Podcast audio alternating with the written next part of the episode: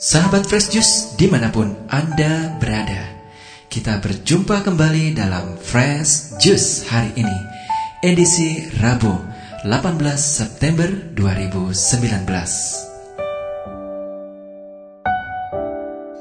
Pada hari ini kita akan mendengarkan pembawa renungan yang baru Yaitu Romo Antonius Raja Bana OMI dari Paroki Kalideres, Jakarta Barat. Semoga fresh juice yang kita dengarkan semakin menyejukkan dan menyegarkan jiwa kita. Selamat mendengarkan.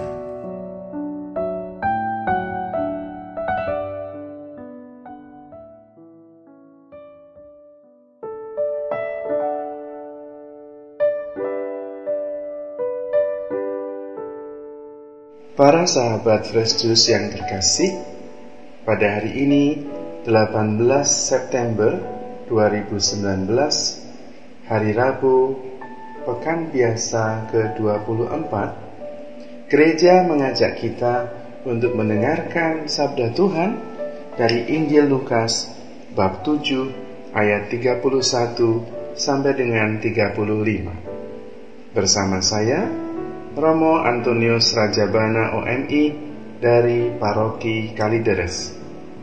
Marilah kita bersama-sama mendengarkan Injil Tuhan. Inilah Injil Yesus Kristus menurut Lukas. Dimuliakanlah Tuhan.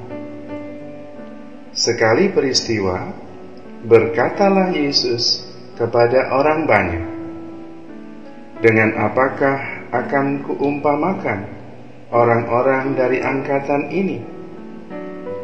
Mereka sama dengan anak-anak yang duduk di pasar dan berseru-seru. Kami meniup seruling bagimu, tetapi kalian tidak menari. Kami menyanyikan hidung duka, tetapi kalian tidak menangis. Sebab ketika Yohanes Pembaptis datang dan ia tidak makan roti dan tidak minum anggur, kalian berkata, ia kerasukan setan. Kemudian anak manusia datang, ia makan dan minum, dan kalian berkata, Lihatlah, seorang pelahap dan peminum, sahabat pemungut cukai dan orang berdosa tetapi hikmat dibenarkan oleh semua orang yang menerimanya. Demikianlah Injil Tuhan. Terpujilah Kristus.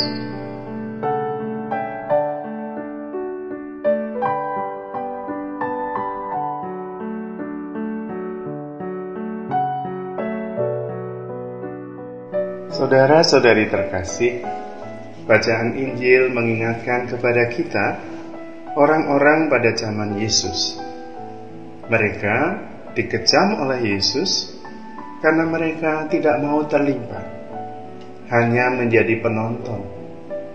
Dan ketika mereka menjadi penonton, sangat mudah untuk jatuh sebagai hakim. Sangat mudah untuk menghakimi. Yohanes yang tidak makan roti dan minum anggur, yang makan belalang hutan, dinilai sebagai orang aneh, kerasukan setan. Yesus yang biasa datang ke perjamuan, makan dan minum, dihakimi sebagai pemabuk, sahabat pemungut cukai.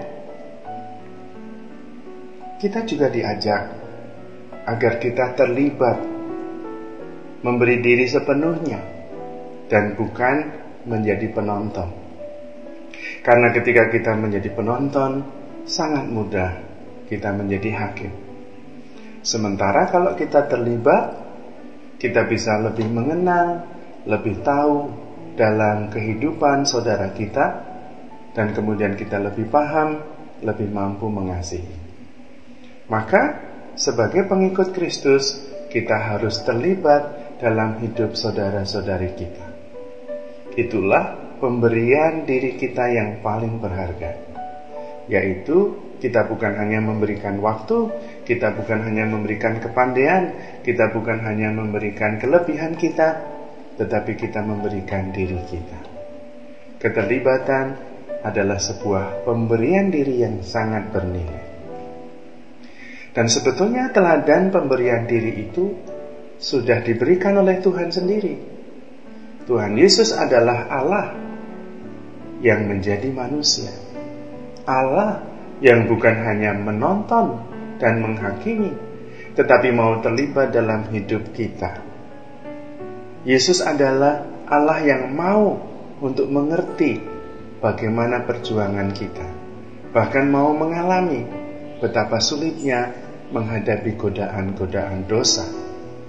Dan karena mengerti itulah, maka Tuhan Yesus bertindak menyelamatkan kita, bahkan dengan mengorbankan dirinya di kayu salib. Kalau kita mau menjadi pengikut Kristus, kita juga harus terlibat dalam hidup saudara-saudari kita. Kita tidak boleh hanya menonton dan menghakimi, tetapi dengan terlibat, kita jadi lebih mengerti, lebih mengenal, dan dengan demikian lebih mencintai.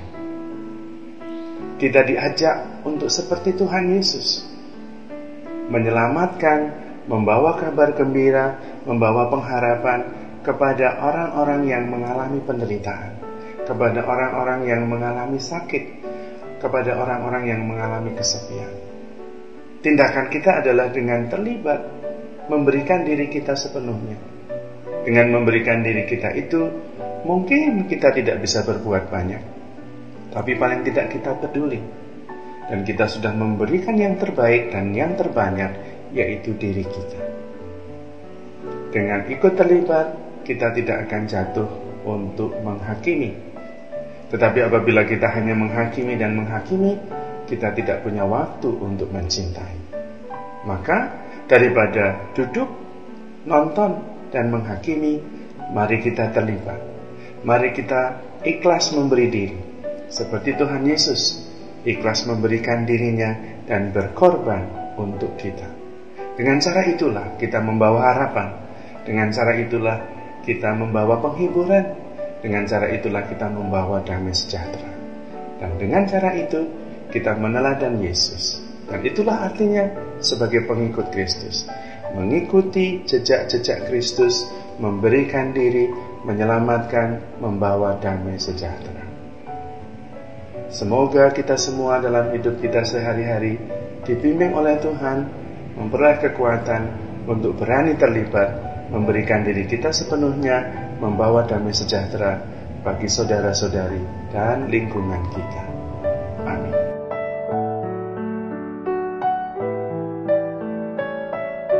Marilah berdoa. Dalam nama Bapa dan Putra dan Roh Kudus. Amin. Allah Bapa Maha Baik, kami bersyukur kepadamu karena Engkau mengaruniakan teladan yang luar biasa dalam diri Yesus. Ia yang adalah Allah peduli terhadap suka duka hidup kami. Ia menjadi manusia dan bahkan berkorban wafat untuk kami. Kami mohon kepadamu ya Bapa, berilah kami kekuatan dan keikhlasan untuk mau terlibat dalam suka duka hidup saudara-saudari kami, sehingga kami bisa membawa harapan, penghiburan, dan damai sejahtera yang berasal darimu sendiri. Dan semoga dengan demikian engkau berkenan terhadap hidup kami. Sebab engkaulah Bapa kami yang hidup dan berkuasa kini dan sepanjang segala masa. Amin. Semoga saudara sekalian dibimbing, dilindungi, dan dilimpahi berkat Allah Tritunggal Maha Kudus, Bapa, Putra, dan Roh Kudus. Amin. Sahabat Fresh Juice, kita baru saja mendengarkan Fresh Juice Rabu 18 September 2019. Segenap tim Fresh Juice mengucapkan terima kasih kepada Romo Antonius Raja Bana untuk renungannya pada hari ini. Sampai berjumpa kembali dalam Fresh Juice edisi selanjutnya. Tetaplah mengucap syukur dan salam Fresh Juice.